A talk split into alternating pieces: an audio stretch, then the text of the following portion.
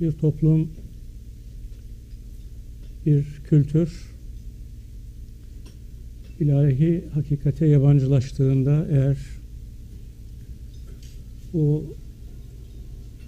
durumu fark ederek bu kaybı telafi cihetinde bir mücadele başlatmamışsa, başlatmıyorsa, başlatmayacaksa o kültür ve toplum zamanın ve tarihin rüzgarları önünde acımasız bir şekilde savrulmaya ve sürüklenmeye başlar.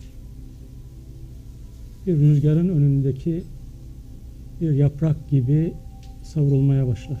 Yani o tarihten itibaren onun için bir kurtuluş yoktur ve sürüklenmek, savrulmak onun için bir kader haline gelir. Sonra o toplum ve o kültür bu durumu normal bir durum gibi telakki etmeye başlar.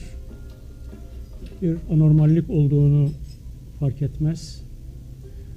Onunla bir şekilde ne yapar? Bütünleşir. Bütünleşir.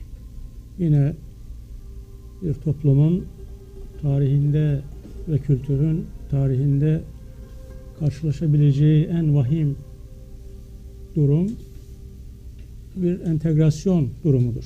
Hangi toplum olursa olsun eğer dışarıdan bir entegrasyona maruz kalıyorsa, kalmışsa bu toplum ve kültür içinde nihai anlamda bir kurtuluştan, bağımsızlıktan ne yapılamaz?